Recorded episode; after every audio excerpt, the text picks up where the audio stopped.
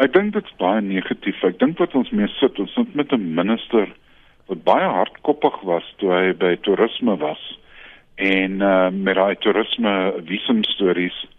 Hy was ook baie hardkoppig toe hy die minister van publieke ondernemings was.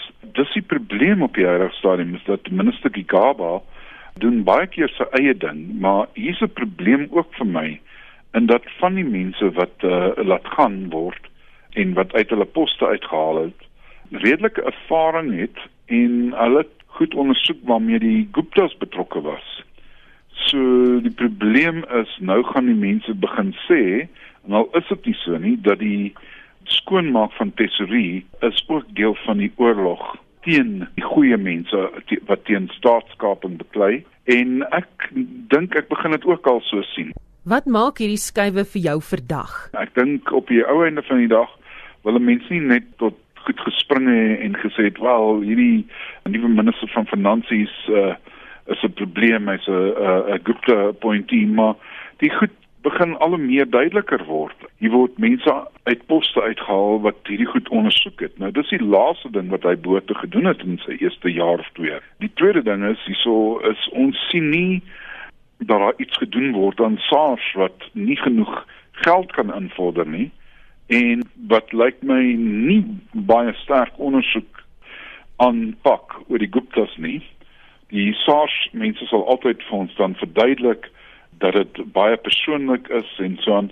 Maar daai tyd toe hulle Dave King aangevat het in die hof, het almal geweet wat aangaan. Maar oor die Guptas doen hulle bitter min en minstens nie is in die hof nie. So ons is baie bekommerd. Ek dink al hoe meer besigheidsmense, ekonome en ontleeders wat die hele situasie ken begin al hoe meer bekommerd raak oor hierdie hele storie want die feit van die saak is 'n afgradering van ons plaaslike instrumente kan nogal Suid-Afrika seermaak.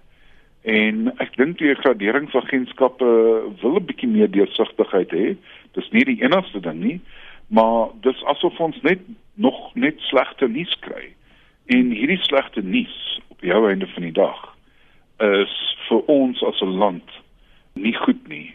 En ek dink werklik waar dit lyk nie asof die persone wat vervang word iets verkeerd gedoen het nie. Dit vat ook die motivering van die res van die staf van tesorie reguit aan. Ons sien dat hier eintlik so van skoonmaak teweeggebring word in ons een departement wat opgestaan het teen staatskaping nie ons sien nie ander ministers deesdae iets sê daaroor nie. En dis baie bekommerend